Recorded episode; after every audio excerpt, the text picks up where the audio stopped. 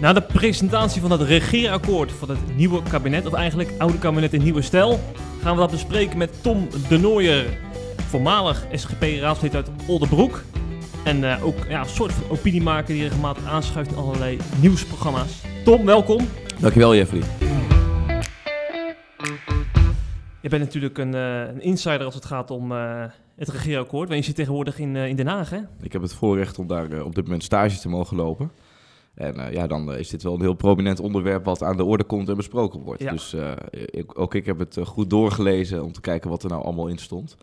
En het zal er zeker nog veel over gaan komende maanden. Sowieso. Ja, stage bij de SGP, hè, voor de duidelijkheid. Ja, bij de SGP-fractie. Ja, ja, Ja, ja, Eh, maar voordat we naar eh, Den Haag gaan, eerst even naar de lokale politiek. Want in Oldenbroek eh, ja, was het wel wat reuring de laatste maanden. Ja. Rondom jouw persoon ook, onder andere. En er was een ledenvergadering. kun jij eens even de luisteraar meenemen? Wat is er allemaal gebeurd de laatste tijd? Ja, het is heel triest. Laat ik daarmee beginnen. Dat de SGP in Oldenbroek zo negatief in het nieuws is gekomen met onrust. En ik heb dat ook persoonlijk heel graag intern willen houden. Helaas hebben anderen toch gesproken tot de media. Nou goed, de situatie staat ervoor zoals het ervoor stond. En eh, bottom line eh, is het, het laatste nieuws dat nou, leden hebben daar een ledenvergadering bij over afgedwongen. Ehm, doordat tientallen leden daarvoor een verzoek hadden gesteund. En die hebben dat ingediend bij het bestuur. Die vergadering is zaterdag geweest. Ik ben er ook bij aanwezig geweest. Er was een uitzonderlijk hoge opkomst. En nou, dus, kortweg zijn daar twee moties ingediend. Eentje om mij eh, voor te dragen als kandidaat lijsttrekker. En de andere was een motie van wantrouwen tegen het bestuur. En dat is best wel heftig. Eh, zeker ook in SGP-kringen. Zoiets eh, gebeurt zeker niet eh, zomaar en komt eigenlijk ook niet vaak voor. Maar beide moties eh, zijn eh, ja, ruimschoots aangenomen. En ehm, ja, ik hoop dat daarmee ook eh, de lucht geklaard is en we verder kunnen naar de verkiezingen met een, eh, met een goede lijst. En eh, ik heb zelf gezegd dat, dat ik het belangrijk vind dat de leden het nu mogen bepalen hoe nu verder. heb ik ook aangehaald in mijn afscheidsspeech bij de gemeenteraad. En nou, de leden hebben heel overduidelijk gesproken. Eigenlijk alleen bestuur en fractie hebben zich tegen de motie gekeerd. Met misschien nog twee, drie mensen in de zaal. Maar voor de rest waren er ongeveer rond eh 35, 40 mensen die, nou gewoon echt de leden, zeg maar. De, mensen die de partij altijd door dik en steunen. Ja, die hebben de moties eigenlijk eh, ja, unaniem zo ongeveer eh, gesteund. Dus dat was een heel helder signaal. En ik hoop ook dat dat, eh, ja, dat het nu duidelijkheid geeft over hoe nu verder. Dus het zou goed kunnen dat ik over een paar maanden met lijsttrekker Tom de Nooijer spreek. Nou ja, de leden hebben mij wel willen voordragen. En ehm, die motie heb ik niet zelf ingediend. Hmm. Overigens, dat is geen actie van mijzelf, heel nadrukkelijk niet. Uh, maar ja, ik vond het ook mooi om die steun uh, te mogen ervaren. Ook na vervelende krantenberichten waar ook in mijn naam uh, wordt genoemd de laatste tijd. Is dit wel een fijne opsteken. Ik bedoel, ja, ja. ik zet me vol eh, energie altijd in voor mijn partij. En dat heb ik de afgelopen jaren ook in de gemeenteraad willen doen. Het is fijn dat andere mensen dat ook zo uh, op die manier uh, hebben laten weten en dat zo waarderen. Dus dat, ja. heeft, dat heeft mij in ieder geval wel goed gedaan. Ja. Dus dan ga je toch met een goed gevoel de kerst in, zometeen. Ja, ja, en het lukte me wel goed om het iets te parkeren hoor. En om het, ik heb ook wel moeten leren om het iets op afstand te zetten. Maar uh, dit is wel een opsteken. Ja. zeker. Dus jullie luisteren natuurlijk naar een uh, extra thema-aflevering van de CIP-podcast. Normaal gesproken zit uh, hier een gast tegenover mij om drie of vier verschillende nieuwsberichten te bespreken. Nu bespreken we dus gewoon één onderwerp, namelijk het regeerakkoord, vorige week gepresenteerd. En wat voor ons natuurlijk vooral belangrijk is, is dat de ChristenUnie opnieuw deelneemt. Want uh, in christelijke kring is dat nog wel een hete hangijzer. Hè? Moet de ChristenUnie wel of niet met liberale en ook progressieve partijen in zee? En het is dus toch weer gebeurd. En dat doet ons natuurlijk denken aan uh, een uitspraak van Gert-Jan Segers. Hè? Eerder dit jaar, april 2021. Uh, na de val van het kabinet uh, werd natuurlijk een motie van wantrouwen ingediend. tegen de persoon Rutte ook, hè? Ja. En Segers heeft heel duidelijk laten weten dat hij niet in een kabinet met Rutte wil stappen volgende keer. Ehm, dat heeft hij ook Rutte persoonlijk laten weten, telefonisch. En toen kwam hij een paar weken later weer op terug. Toen zei hij, ik heb te veel op de man gespeeld. Ja. En nu zit hij dus toch met Rutte in één kabinet. Is dat hypocriet of niet, Tom? Ja, ik denk... Um, ik heb ook goed naar Segers geluisterd de afgelopen tijd. En wat zegt hij daar nu zelf over? En hij zei inderdaad te veel de persoon geweest. Het ging al, mijn inzet is nog steeds hetzelfde. Um, ik denk persoonlijk wel dat je moet afvragen van nou ja, die bestuurscultuur hè, die we zo afschuwen, et cetera. En waarom eigenlijk Segers destijds niet meer met Rutte verder wilde en geen kabinet Rutte 4 wilde. Ja, dat hangt ook heel erg samen met de persoon Rutte. Dus, uh, en dat is niet veranderd. Uh, misschien kan Rutte zichzelf wel anders opstellen, maar je moet je wel afvragen, uh, opstellen, maar je moet je wel afvragen of het wel geloofwaardig is om met Rutte verder te gaan. Ik vind, ik ga gelukkig niet beslissen voor de, de ChristenUnie. En dat moeten ze ook zelf afwegen. En dat is ook geen gemakkelijke afweging, omdat je aan de andere kant ook je verantwoordelijkheid wil nemen. Maar Rutte zit er nog steeds. zal waarschijnlijk ook weer de nieuwe minister-president worden. Ehm, ja, en ik denk, ik heb ook wel veel reacties gelezen van nou, betrokken CU-leden. Dat ze wel zeiden van ja, de CU was destijds heel duidelijk en daar is nu toch op teruggekomen. Daar hebben ze toch die uitspraken aan de kant gezet. En uh, nou, zij waren ook heel erg klaar met Rutte. En ja, om dan nu toch weer gezamenlijk in een kabinet te gaan met precies dezelfde partijen. Ja, dat roept wel wat, uh, wat weerstand op. En die begrijp ik eerlijk gezegd wel. Dus ik vind aan de ene kant, snap ik het moeilijke pakket waar Segers in zit. Maar aan de andere kant ja, om weer met dezelfde persoon in, in dezelfde boot te stappen eigenlijk. Ja, dat vind ik wel... Ik denk dat dat heel veel moeite kost om dat uit te leggen. Maar ik zag wel dat al voor de presentatie van dat regeerakkoord er al kritiek was hierop. En allerlei uh, gevreemde filmpjes op Twitter werden geplaatst. En ik denk van, is dat niet makkelijk? Want ik kan ook naar de inhoud kijken. Hè? Segers is een echte onderhandelaar. Ja. Die kan er ook nog dingen uithalen. Ja, dus dat is hè, inderdaad van... in hoeverre zie je de persoon Rutte als een probleem? En ik denk dat hij wel een groot probleem is de afgelopen tijd. En daarmee zou je dus kunnen zeggen: de persoon Rutte moet weg. En dan pas kunnen we uh, ruimte krijgen voor een nieuwe bestuurscultuur, et cetera. Verander je de positieve kant op. Of je redeneert vanuit de inhoud van ongeacht de poppetjes. We kijken specifiek naar wat we in zo'n regeerakkoord kunnen bereiken. Maar ja, beide is waar. Het gaat aan de ene kant om de inhoud. En aan de andere kant moeten de poppetjes het uitvoeren. En drukken die nogal hun persoonlijke stempel erop. Dus beide kanten van het verhaal valt wat voor te zeggen. Maar dan is juist die stevigheid waarin uh, Segers het in april volgens mij nog zei, mhm. eh, wel heel erg van belang. Dus omdat hij zich zo stevig heeft uitgesproken, ja, vind ik, dan moet je, om daar nog van terug te komen, ja, dat vind ik wel een heel bijzonder hoor. Dat vind ik echt wel heel... Uh, ja ja, opvallend. Aan de andere kant, Segers is wel iemand die uh, gewoon ruidelijk toegeeft... Uh, ik had het zo niet moeten doen en gaat er niet omheen draaien of zo met allerlei smoesjes. Dat vind ik hem wel te prijs. Dus ik, ik denk niet, als, laat ik voor mezelf spreken... als ik zo'n keiharde uitspraak doe hè, in april van... geen kabinet Rutte 4, niet met Rutte. Klaar, we trekken hier een streep. Er is gewoon veel fout gegaan. Het omzicht, hè, die debatten over functie elders... het sensibiliseren van omzicht... Ehm, ik had het niet gedaan. Als ik, als ik, ik, had, ik, ik, kom, ik, ik snapte in april waarom hij zo'n uitspraak deed. Uh, maar dan had ik hem ook waargemaakt. Had ik hem ook gehouden. En dan had ik ook daar niet meer op teruggekomen. Dus ik had het zelf niet gedaan.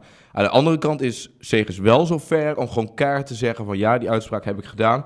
En dan kom ik nu op terug, dan neem ik eigenlijk als het ware afstand van. Ik ga er nu anders mee om. Dus het is niet dat hij dan nog een soort van uh, spin daaraan probeert te geven. Nee, heb ik zo niet gezegd of zo niet bedoeld. En, nee, hij, komt er wel gewoon echt op terug. Dus ondanks dat ik een, misschien een andere keuze zou maken, gaat hij er wel ver mee om door uiterlijk te erkennen dat hij een andere afslag heeft genomen. Hmm. Tot zover de poppetjes zou ik willen zeggen. Want er is natuurlijk genoeg inhoud te bespreken. Uh, ik heb natuurlijk even door mijn timeline gescrolld afgelopen week. En ook uh, in mijn eh, SGP-bubbel. zag ik natuurlijk heel veel tweets over de medisch-ethische kwesties. Hè, die voor jullie als SGP heel belangrijk zijn. dat heeft natuurlijk alles te maken met onder andere de voltooid levenwet. Dat een vrije kwestie gaat worden de komende jaren. dus daar zijn geen concrete afspraken over gemaakt. Ik citeer even uit het regeerakkoord. over levenseindenbegeleiding van ouderen op verzoek verschillen de meningen in de samenleving en in de politiek, ook in deze coalitie. En ieder zal een persoonlijke afweging maken bij het initiatief wetsvoorstel toetsing levenseindenbegeleiding van ouderen op verzoek. Dus dat betekent dat uh, dit wetsvoorstel gaat over ouderen boven de 75 jaar die niet ziek zijn en uh, hun leven als voltooid zien en dus willen sterven. daar is natuurlijk veel om te doen geweest de afgelopen vier jaar uh, in het kabinet van de ChristenUnie. Ja. Dat zij echt veel tegenstander zijn van die wet. Ja. Eh, ervaar je dit als een soort van uh, buigen richting D66, dat het een vrije kwestie is geworden? Nou, buigen. Um, ik denk als het aan D66 had gelegen, had het al in het regeerakkoord gestaan. Dus in die, in die zin kun je wel zeggen dat de CU daar een rem op is geweest. Aan de andere kant is de vraag van, um, als je naar de Kamer kijkt, is de kans nou ja, levensgroot dat de wet het wel gaat halen. Uh, daar moeten we wel serieus rekening mee houden. Het is dus in een vrije kwestie, dus Eerste en Tweede Kamer... Maar waar baseer je dat op, dat, dat het kanslevensgroot is? Nou, heel veel partijen hebben zich daar al voor uitgesproken. Er zijn een aantal partijen die daar nog niet over uit zijn. Uh, uh, maar eh, er is gewoon een liberale meerderheid in de Kamer op heel veel onderwerpen. En ook op volgt het leven zou dat nog wel eens kunnen gebeuren. De wet is al ehm, ingediend door Pia Dijkstra, voorbereid moet ik zeggen. dus ja, ik vind wel dat je als ChristenUnie ook moet afvragen... Kijk, eh, aan de ene kant is duidelijk dat ze op de rem hebben getrapt. Aan de andere kant moet je afvragen van, is het genoeg geweest? Als uiteindelijk eh, toch die wet is aangenomen, hoe, ga je daar, hoe kijk je er dan op terug? Dat je niet in het regeerakkoord er bijvoorbeeld een breekpunt hebt van eh, ge- gemaakt van wij nemen gewoon het regeerakkoord op, de komende vier jaar komt er geen voltooid leven. Dat weten we op dit moment niet. En ik had daar persoonlijk bij handtekening niet voor kunnen zetten. Aan de andere kant waardeer ik wel heel erg de inzet van de ChristenUnie. Dus dat is wel een lastige. Eh, Uh, maar Overvraag je de partij niet een beetje? Want we hebben het over de partij met zes zetels volgens mij, hè? Ehm, vijf, Of vijf. Ja, vijf. Ja, moet ik het wel goed zeggen. Vijf zetels inderdaad. Ja, nee, dat is waar. Hè? Dus de meerderheid van Nederland is niet meer christelijk. En de meerderheid van Nederland is overwegend liberaal. Dus ja, ons, eh, ons hele verkiezingsprogramma tot regeerakkoord maken zal ons helaas niet lukken. Eh, dus dat is ook de realiteit waarin we de ChristenUnie niet kunnen afrekenen... omdat ze niet hun hele programma hebben eh, kunnen ver- verwezenlijken. Aan de andere kant is de, vraag die je wel moet afvragen: van, kun je hier verantwoordelijkheid voor nemen? Dus kun je hier eh, de komende vier jaar mee door op dit soort knijtharde principiële onderwerpen, om maar zo te zeggen? Ehm, ja, persoonlijk, eh, ook de Christoffer heeft het ook bij Family Sever eh, gezegd. Hij had daar zijn handtekening niet voor kunnen zetten. Ik had dat persoonlijk ook niet kunnen doen als ik denk een Kamerlid was geweest. Dan had ik uiteindelijk niet kunnen instemmen met op al die medisch-ethische onderwerpen, bijvoorbeeld het leven. Uh, maar ook de bedenktermijn van abortus, die niet is geblokkeerd in uh, het regeerakkoord, maar die gewoon behandeld gaat worden. En waar, daar is het wel eigenlijk al zeker een meerderheid voor is in de Kamer. Uh, dat, daar hebben heel veel partijen al zich voor uitgesproken. En toch is het streven minder abortussen volgens het regeerakkoord de komende jaren. Ja, dat is de andere kant. Dus daar zal misschien wel iets kunnen gaan gebeuren, maar dat wordt niet... Uh, ja, voorlichting en zo wordt, wordt genoemd. Maar dat wordt niet... Uh, moet ik even kijken wat daar staat. We garanderen toegankelijke abortuszorg en spannen ons vanwege de impact die een abortus kan hebben in om de nazorg te verbeteren en het aantal abort, uh, abortussen te verminderen. Dus aan de ene kant is het zo dat die tekst 100% van de ChristenUnie afkomt, dat het aantal abortussen moet worden verminderd. En dat is mooi. Maar aan de andere kant is het nog niet heel erg zeker hoe dat er in de praktijk moet komen uit te zien. Terwijl het wel in de praktijk zeker is dat uh, uh, wat het betekent als die bedenktermijn eraf gaat. Ja, dat is gewoon een, een progressieve stap de verkeerde kant op. Naar meer liberalisering en zogenaamd meer uh, zelfbeschikking. Uh, maar waarbij de kans heel erg groot is dat dat juist gaat zorgen voor meer abortussen. Omdat bijvoorbeeld vrouwen die onder druk worden gezet om abortus te plegen... geen dagen bedenktijd hebben om misschien uh, hulp te zoeken of te kijken naar alternatieven, et cetera.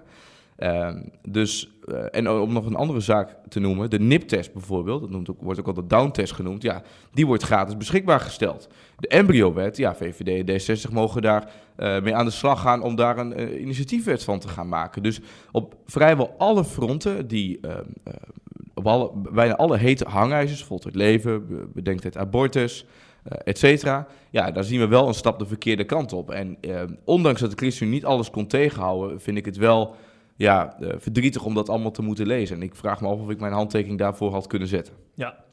Genoeg redenen dus om Gert-Jan Segers, de partijleider, kritisch te bevragen. Dat is gebeurd door het Nederlands Dagblad. Uh, wordt wel eens de partijkrant van het uh, ChristenUnie genoemd, maar ik weet niet of dat zo is. Um, Segers die zegt erin dat hij dus echt wel een streep wil trekken hè, als het gaat om die voltooid levenwet. Dan vraagt het ND, stapt hij eruit als die wet wordt aangenomen? En dan zegt hij, dat weten we niet. Het kan ook later worden ingevoerd. Als het wel wordt ingevoerd, zou de ultieme consequentie zijn dat je eruit stapt. Maar ik hoop dat een Kamermeerderheid tegen het voorstel van D66 zal zijn. Daar zit het namelijk heel veel bezwaren aan.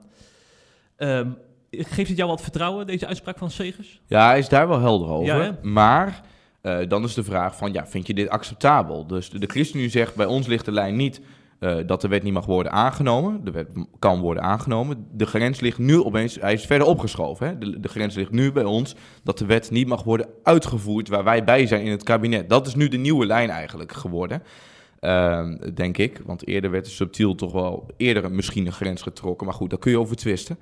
Uh, ja, en daarvan denk ik van, ja, kun je het dan wel dragen dat terwijl jij in het kabinet zit en een regeerakkoord ligt wat de ruimte ervoor biedt om dat wetsvoorstel te gaan, te, te gaan behandelen, dat zo'n wet uiteindelijk wordt aangenomen. En dat je dan op het moment dat die wordt uitgevoerd, moet worden uitgevoerd, zegt we trekken onze vingers er vanaf, er komt misschien een ander partijtje in de, in de plaats van de ChristenUnie erbij en de wet gaat alsnog door. Of, of zeg je van nee, we hadden nu misschien eerder aan de rem moeten trekken, we hadden gewoon moeten zeggen, uh, we kunnen het debat er wel over voeren, maar uh, uh, we gaan het geen vrije kwestie of zo in de Kamer laten. We parkeren het gewoon. We zeggen tegen VVD en D66 van eh, jullie moeten gewoon tegenstemmen. En dat spreken we af in het regeerakkoord. Ja, dat hebben ze er niet van gemaakt. En dat is wel heel erg jammer. Ja. Ondanks dat eh, de ChristenUnie het niet gaat uitvoeren, ja, dan denk ik toch van je bent er wel voor verantwoordelijk dat er nu een kabinet zit waarbij die extra stappen die nu gezet gaan worden, ja, gezet kunnen gaan worden. En dat is niet tegengehouden. En nogmaals, het is niet mogelijk om het hele programma van de ChristenUnie door te voeren, want ik waardeer echt hun inzet en ze hebben ook echt wel dingen binnengehaald. Uh, maar hierop zien we wel een verdere, ja, seculiere wind eigenlijk, die ook bij dit soort uh, onderwerpen uh, voor het zeggen krijgt. En dat vind ik wel heel jammer. Ja, ja, ja.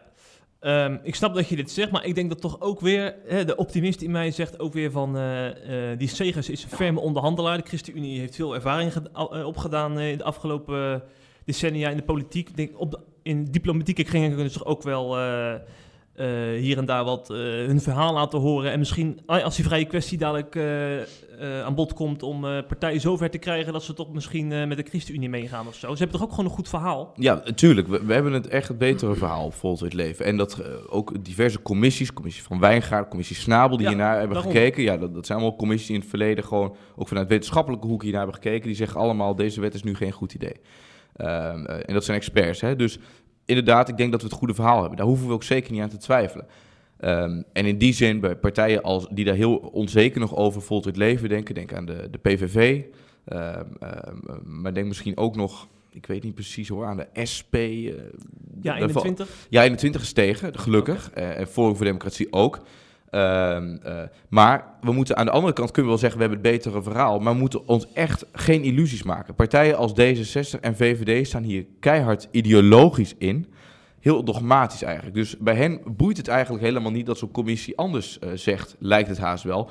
Want zij denken maar aan één ding, en dat is zelfbeschikking. En de overheid moet niks inperken. Iedereen moet ook dit over zijn eigen leven kunnen uh, beslissen, dat zij daar denk ik helemaal niet vatbaar voor zijn. En daar moeten we wel mee rekening houden. Dat ondanks dat we misschien het goede verhaal hebben, dat, dat die andere partijen er misschien zo ideologisch in zitten dat we hen helemaal niet kunnen bereiken. En dan kun je misschien er achteraf achterkomen van, ja, we hadden wel het goede verhaal, maar we hebben het in de Kamer toch verloren. En dat zou ontzettend zonde zijn, want dit is, ja, nog geen enkele land heeft volgens mij zo'n dergelijke wet. Nederland zou daarin helemaal voor oplopen.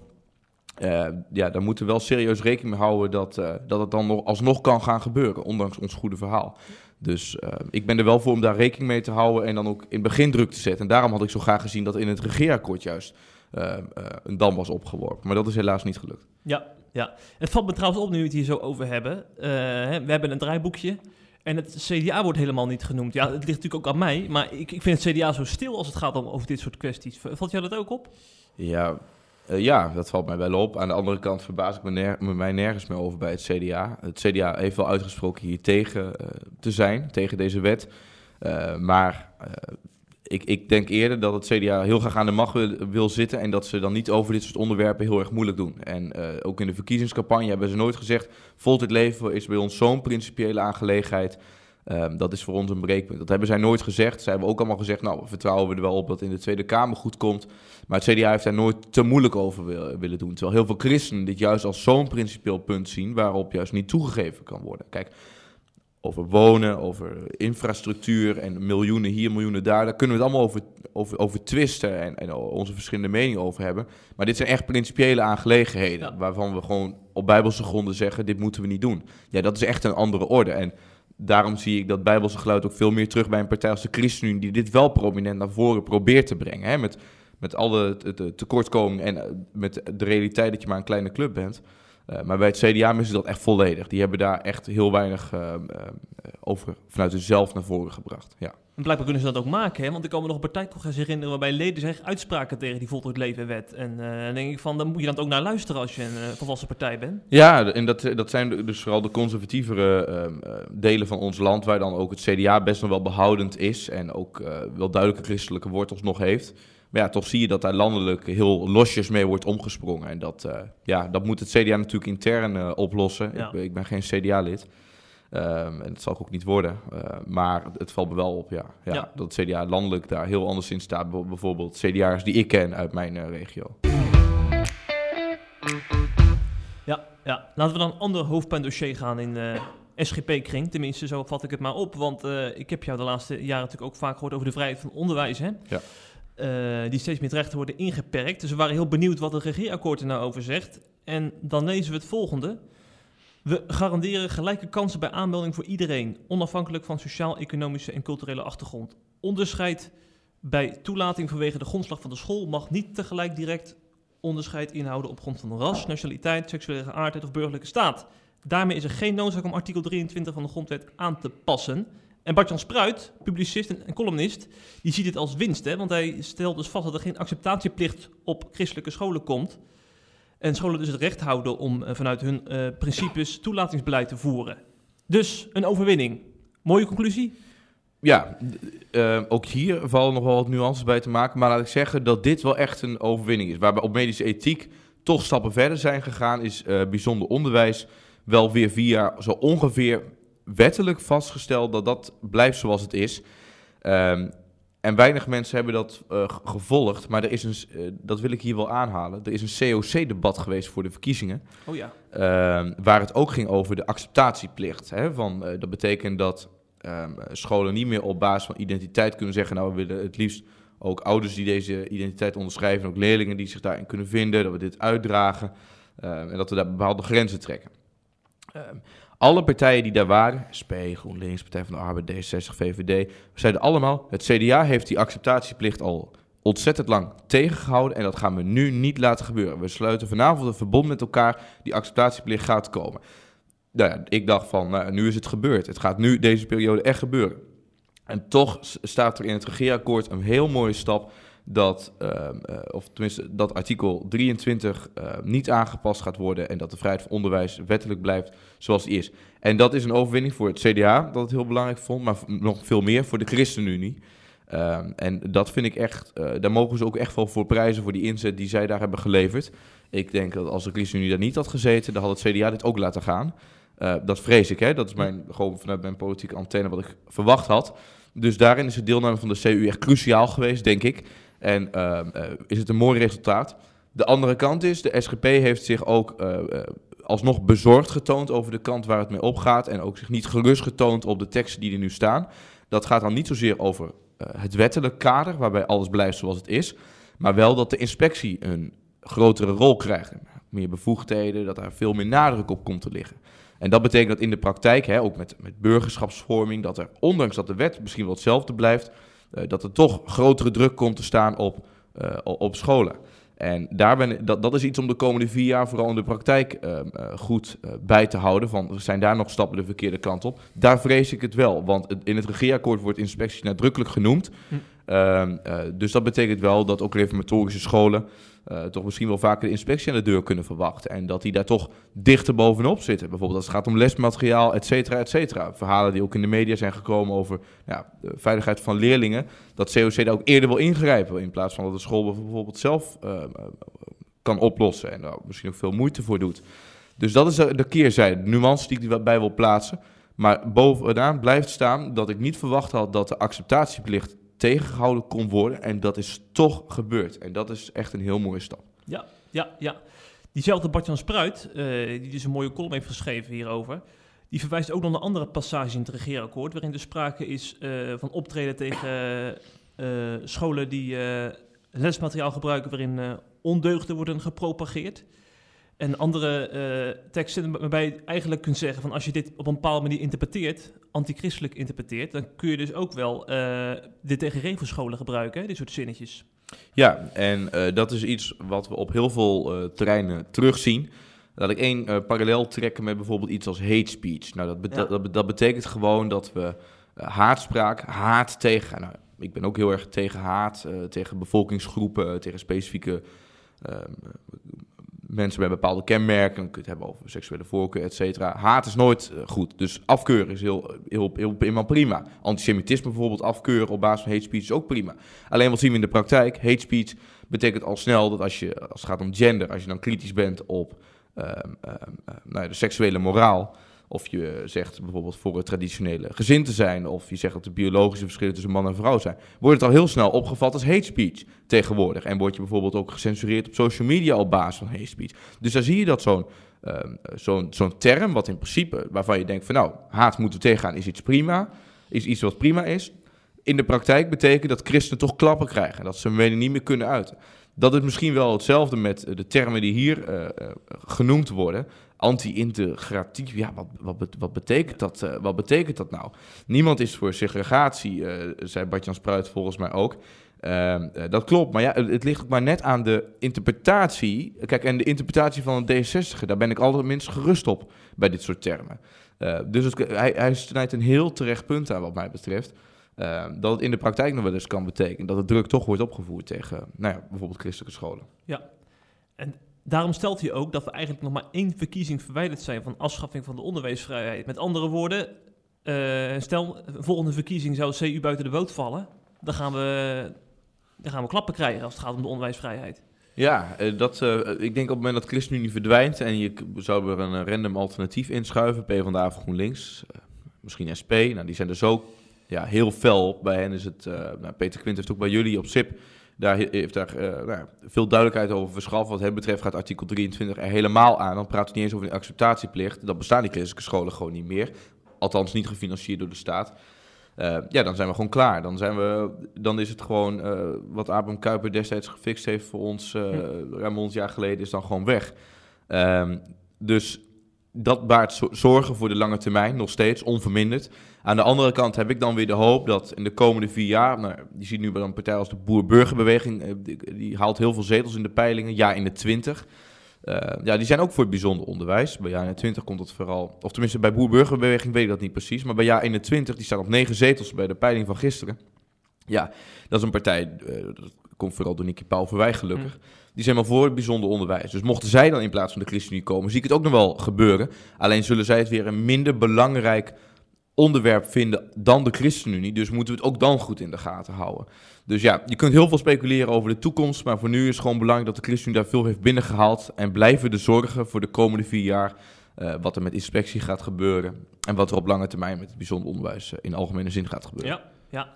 En dus complimenteert Spruit ook de ChristenUnie aan het eind van zijn column. Uh, hij, uit waardering voor de houding en het gevecht van de CU op deze punten. Uh, en dan zegt hij aan het eind, dat vind ik ook wel uh, een boeiend slot, dat de CU op dit punt haar missie heeft herschreven.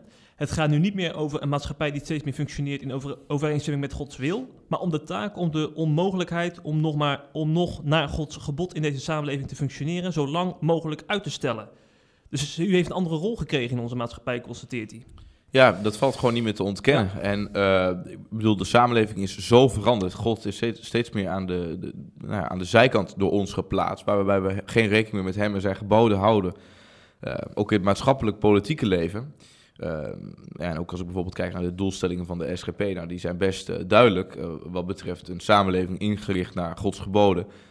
Maar we moeten constateren dat, dat het steeds verder weg de samenleving van vandaag de dag steeds verder weg bij dat ideaal is komen te staan. Dus het is niet haalbaar om dat zomaar in te voeren. En uh, het is ook niet haalbaar om dat als eis te hebben om nog deel te kunnen nemen, want dat betekent per definitie dat je op dit moment helemaal aan de kant staat.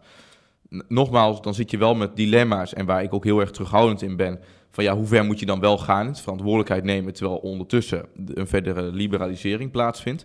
Uh, uh, maar aan de andere kant mag je het ook inderdaad als taak zien om ervoor te zorgen dat mensen nog naar Gods gebod kunnen leven, ondanks dat heel veel andere mensen dat niet doen. Maar dat je wel de ruimte voor jezelf houdt om ja, een christelijke levenshouding ook te kunnen aannemen in deze maatschappij. Dat die ruimte er blijft.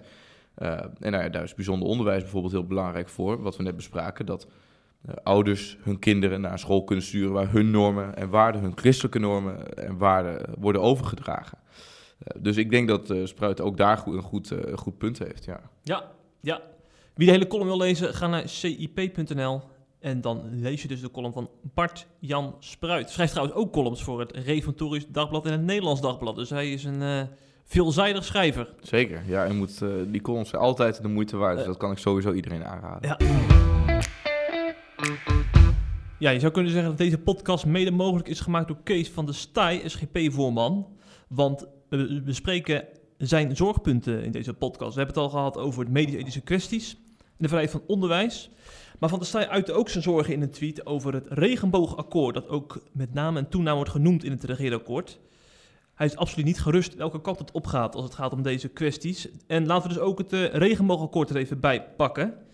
In het regeerakkoord staat hierover: we blijven werken aan de acceptatie, veiligheid en emancipatie van de LHBTQ I-plus gemeenschappen. Door elk regeerakkoord weer een letter meer. Het regenboogakkoord is hiervoor de basis. We voeren dit akkoord zorgvuldig uit met wetgeving en beleid. En dan vraag ik me af, dat regenboogakkoord, wat is dat eigenlijk? Want dat, uh, veel mensen weten dat niet, hè? Dat, uh, dat het veel invloed heeft, het regenboogakkoord. Ja, dat is echt wel een ding om in de gaten te houden. Ik ben daar ook eens even in gedoken. Dat hing ook samen met het COC-debat. Want het regenboogakkoord is van het COC. Het COC is gewoon een uh, hele liberale, progressieve club, die overigens wordt gesubsidieerd flink door de overheid. Alle financiën zijn ongeveer vanuit uh, de overheid. Dus het is eigenlijk de overheid die hier praat in een ander jasje, uh, maar dan een heel progressief jasje.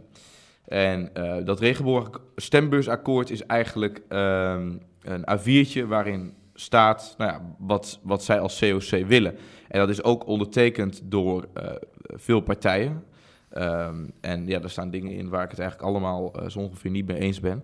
Uh, interessant is trouwens ook dat in dat regenboog-stembusakkoord ook de acceptatieplicht wordt genoemd in het bijzonder onderwijs. Dus aan de ene kant staat in het regeerakkoord, wij voeren, uh, wij voeren het regenboogakkoord zorgvuldig uit. En aan de andere kant komt de acceptatieplicht er niet. Um, uh, maar verder staan er ook zaken in als verbod op uh, genezingstherapieën, uh, regeling voor meer ouderschap, ehm, en even kijken nog, hate crime wetgeving, discriminatierechercheurs. Er komt gewoon heel veel aandacht. Er wordt meer tijd en geld uitgetrokken voor roze en blauw. Um, uh, dus dat is bij de politie, zodat deze politieteams hun werk voor de LHBTI-gemeenschap optimaal kunnen doen. Aanpak van discriminatie wordt een verplicht onderdeel van het curriculum op politieopleidingen en de aanpak van discriminatie op internet wordt geïntensiveerd. Eigenlijk komt het erop neer dat deze specifieke groep heel veel aandacht, uh, geld en ook nou ja, uh, eigenlijk beleidsmatige aandacht gaat krijgen van het volgende kabinet. Uh, artikel 1 van de grondwet willen ze ook aanpassen. Um, dat ligt op dit moment ook al bij de Kamer. Um, om nou ja, goed, uh, de LHBTI-discriminatie te uh, voorkomen. Um, ja, ik ben daar uh, niet zo'n fan van, eerlijk gezegd. Ik Waarom niet? nou, omdat het in de praktijk betekent dat eigenlijk onwelgevallige meningen over gender, over traditionele gezin, huwelijk bijvoorbeeld, dat het eigenlijk niet meer wordt geaccepteerd. Dat al heel snel iets als aanval wordt wordt opgevangen. En dat er eigenlijk steeds minder ruimte komt om dat geluid uit te dragen. En ja, ook omdat zij voor een acceptatieplicht zijn. Het COC is best wel radicaal in die, uh, in die uitingen.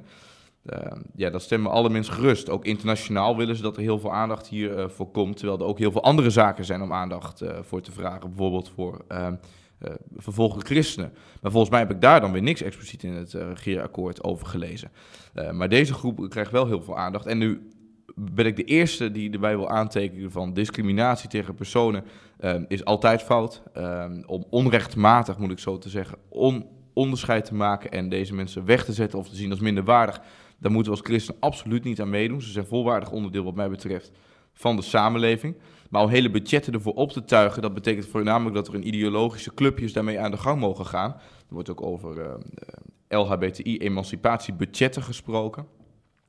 Um, ja, dat betekent in de praktijk gewoon dat een alternatief geluid steeds minder aandacht krijgt. En zeker omdat het kabinet zich dus zo conformeert um, aan dit akkoord, um, ja, ben ik daar wel heel erg in teleurgesteld. Ja, maar als ik, als ik naar de afgelopen jaren kijk naar wat ik in de kranten heb gelezen hierover, dan zie ik uh, regelmatig dat er homostellen zijn in Amsterdam of zo, die, uh, die uh, worden belaagd. Ja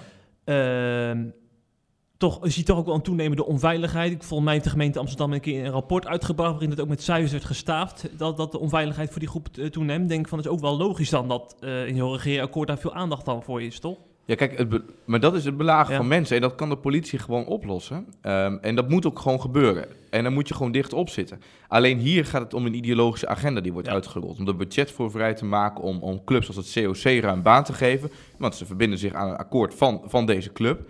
Dat is echt wat anders. En daar wil ik echt onderscheid tussen maken. Dus discriminatie kunnen we aanpakken. Uh, belagen op straat, verschrik. Ik heb daar destijds ook nog wel columns over geschreven. Hoe, hoe verschrikkelijk ik dat vond. Voor tpo.nl was dat. Um, dus dat is echt een heel andere orde. En die twee zaken moeten we wel uit elkaar gaan trekken. En voor de duidelijkheid, dus als jij tegen een regenboogvlag bij, de gemeente, bij het stadhuis van de gemeente in Onderbroek bent, dat is het niet tegen homo's, maar tegen die ideologische agenda achter die eh, vlag. Ja, dat is heel, heel duidelijk. En de, die, eh, de, de organisatie die vlag gebruiken en die daarmee voorop lopen en die daarmee eigenlijk de aanvoerders zijn, ja, die zijn heel erg duidelijk. Er mag geen heteronormativiteit meer bestaan. Mensen mogen onbeperkt van geslacht wisselen. eh, wisselen. Geslacht bestaat eigenlijk niet meer eens. Nou, dat zijn allemaal gegevens waar ik het niet, eh, of allemaal opvattingen waar ik het niet mee eens ben. Wat ik ook niet vind stroken met nou, hoe de scheppingsorde daarover denkt. Ehm, dus ja, ik eh, eh, zie het in die kant, Ja. dat op zich niet de goede kant op gaan.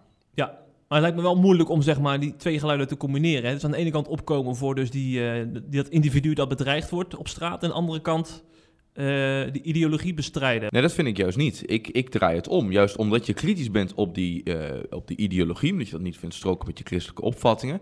Als je dat juist nou weet te combineren met dat jij ook de eerste bent vervolgens die zegt van ja, maar als eh, homo's belaagd worden op straat, ehm, ehm, of zijn ze überhaupt niet hand in hand op. Nee, we gelijk hem opnieuw formuleren. Nee, dat vind ik juist niet. Kijk, op het moment dat je kritisch bent op die LHBTI-ideologie, omdat je dat niet vindt stroken met je christelijke opvattingen, vind ik juist dat als je dat combineert met dat je de eerste bent ook die vervolgens zegt, nou als homo's op straat worden belaagd, dan ben ik degene die zich daar het eerst tegen uitspreekt en tegen de politie zegt, pak dat goed aan en wees er alert op, dan maak je het juist geloofwaardig. Dus omdat je dat individu wil beschermen, omdat je vindt dat hij volwaardig onderdeel moet zijn van onze samenleving, gewoon op straat ehm, ehm, eh, niet lastig gevallen zou moeten worden, omdat je vindt dat diegene gewoon ja, overal mee zou moeten kunnen ehm, eh, ja, participeren binnen de samenleving, ehm, ja, dan laat je juist merken dat je het wel voor het individu wil op, eh, opnemen, maar dat je over nou ja, bijvoorbeeld zaken als homohuwelijk, dat- dat je daar wel afwijkend over kunt denken. Dus het is ook aan jezelf om je niet in die hoek te laten drijven, oh je bent een homohater, wat nu wel eens wordt gesuggereerd, Eh, maar dat je juist de eerste bent om dat te, te, te weerspreken en dat je ook niet eh, je bang hoeft te laten maken, omdat je voor die framing van, oh, anders word ik weggezet als, als homohater,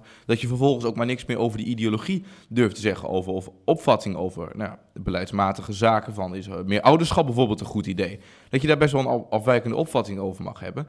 Als je dat maar in combinatie eh, doet, maar dat je het wel het individu wil beschermen om wie hij is, omdat nou ja, we geloven dat ieder mens naar Gods beeld is geschapen en daarom intrinsiek waardevol is. Dat moet je ermee combineren. Nooit je bang laten maken inderdaad voor die framing. Want ja, dat zou betekenen dat, anders dat je nooit meer eh, je mening moet kunnen uiten op eh, zaken die gevoelig liggen bij progressief-liberale clubs. Ja, ja. Interessant om deze items door te nemen. En we gaan dus hele spannende jaren tegemoet. Ik ben heel benieuwd hoe lang het kabinet überhaupt blijft zitten. Ik ook. als- ja, ik heb wel eens het idee, eh, want dit, deze, dit kabinet heeft bijna vier jaar volgehouden. Hè? Vorige, net de huidige demissionaire kabinet Ja. heb ik het nu over. Ik denk in het huidige klimaat, en als ik hoor hoe Segers over die Vol tot Levenwet praat, zou het toch wel eens eh, een keer kunnen klappen binnen een paar jaar. Ja, dat, dat ligt er dus aan. Kijk, als, Ja. als D66 er zo radicaal... Kijk, ze hebben van de ChristenUnie ook gehoord, nu het akkoord gepresenteerd is... als het wordt aangenomen en we gaan het ook uitvoeren, dan zijn we weg. Dat kunnen wij gewoon niet, eh, dat kunnen wij gewoon niet dragen. Nou, dat, dat hebben D60 ook gehoord. Hij heeft ook gezegd, daar zijn we van meet af aan duidelijk over geweest. Ja, dan is het aan D60 vervolgens. Ik vind dat ook een goede zet om daar eh, die druk op te voeren als, als zegers zijnde. Eh, dat als D60 hiermee verder gaat, ja, dan zou het maar zo kunnen klappen. En als D60 verstandig is, dan luisteren naar deze ene keiharde wens van de ChristenUnie en laten ze het rusten. Dus ik hoop dat dat eh, gaat gebeuren. En dan moeten we in de volgende periode maar zien hoe het dan verder gaat. Ja. Eh, wat mij opviel bij de reacties op social media is dat er toch wel echt twee kampen zijn. Hè? Je ziet echt wel een eh, behoorlijk anti-ChristenUnie eh, dat zich, dat, dat zich uitspreekt. Maar ook mensen die echt blij zijn dat de ChristenUnie opnieuw deelneemt, dat dus invloed kan uitoefenen. Ik begin even met de negatieve reacties. Ik ga er eens een paar citeren. Ik begin met Jan Otter. Ehm, het blijft politiek. Echter, de politiek die de CU momenteel uitdaagt is niet mijn politiek. De plek van invloed lijkt heilig verklaard, maar zijn onze normen en wa- waar zijn onze normen en waarden gebleven? Met te veel water bij de wijn wordt het een slapgoedje en wordt het nooit meer een krachtige, geurende en goede wijn. Ik haak na 15 jaar lidmaatschap af. En Elise Vos doet hetzelfde. Ze zegt: Ik vind het heel erg dat Gert-Jan Segers hierin is meegegaan. Een grote verantwoording. Voel me nu schuldig dat ik aan deze partij een stem heb gegeven. De volgende keer gaat die stem naar een ander. Moeten ze u deze, eh, wat zich wat aantrekken van deze eh, mensen. Want het zijn natuurlijk maar een paar mensen, maar het toont wel wat aan natuurlijk. Over Ja. het sentiment dat leeft. En het leeft wel breder hoor. Dus Ja. ik heb dit ook heel veel gehoord. Eh, nou, ik moet denken aan mijn vader, die was vroeger ook altijd overtuigd CU-lid. Heeft on- onlangs zijn lidmaatschap eh, opgezegd. En, Ja? ja, en die voelde zich in die dag ook na het lezen van het regeerakkoord. Nou, maar dit zijn voor mij zulke principiële punten. Hierop mag je gewoon niet toegeven. Dus dan is dat eigenlijk de lijn. En niet van we proberen het te remmen, maar nee, we kunnen hier gewoon vera- geen verantwoording voor, verantwoordelijkheid voor nemen. Ehm, en dat is eigenlijk ook de lijn van deze mensen. En eh, die begrijp ik wel. En ik denk dat dat des te meer. ehm, ehm, eh, dat de ChristenUnie dat des te meer moet aantrekken voor een, een volgende keer. Dat het niet zozeer eh, ook veel leden gaat om wonen of een miljoentje voor infrastructuur of defensie meer of minder.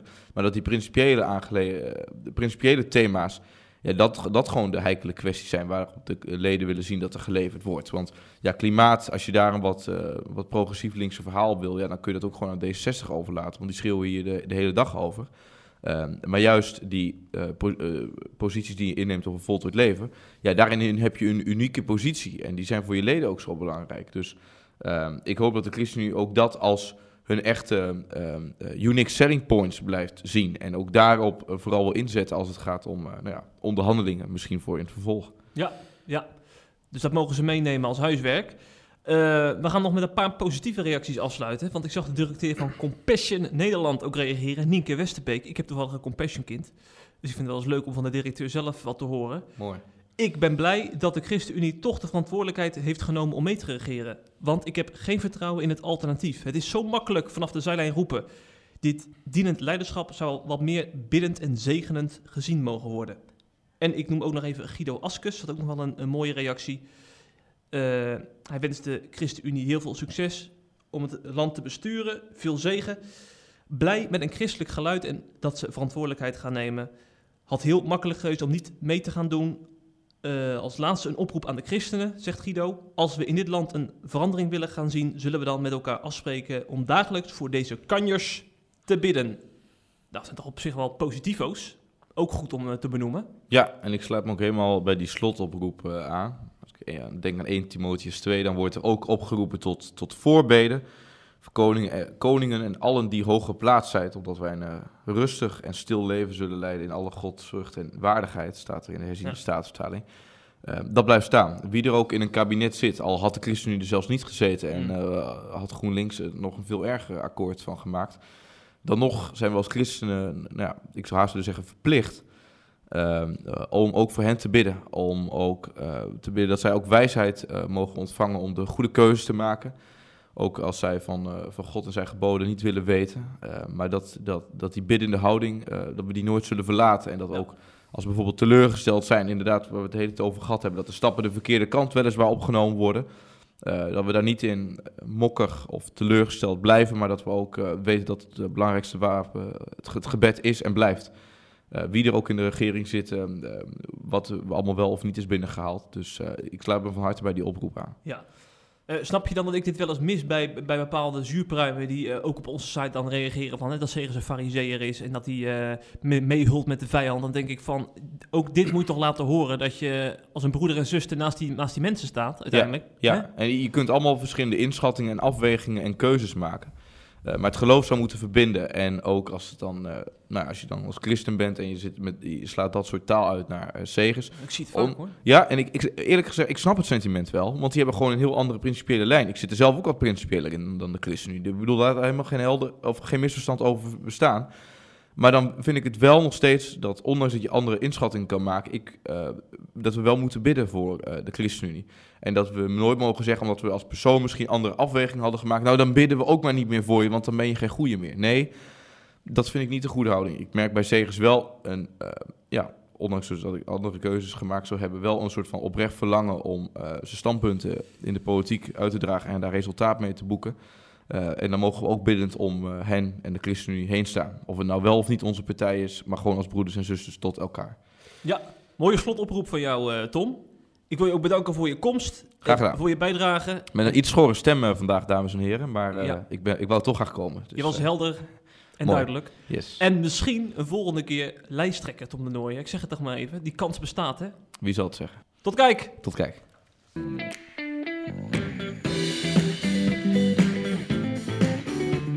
Je luistert naar de CIP-podcast. Volgende week weer een nieuwe aflevering.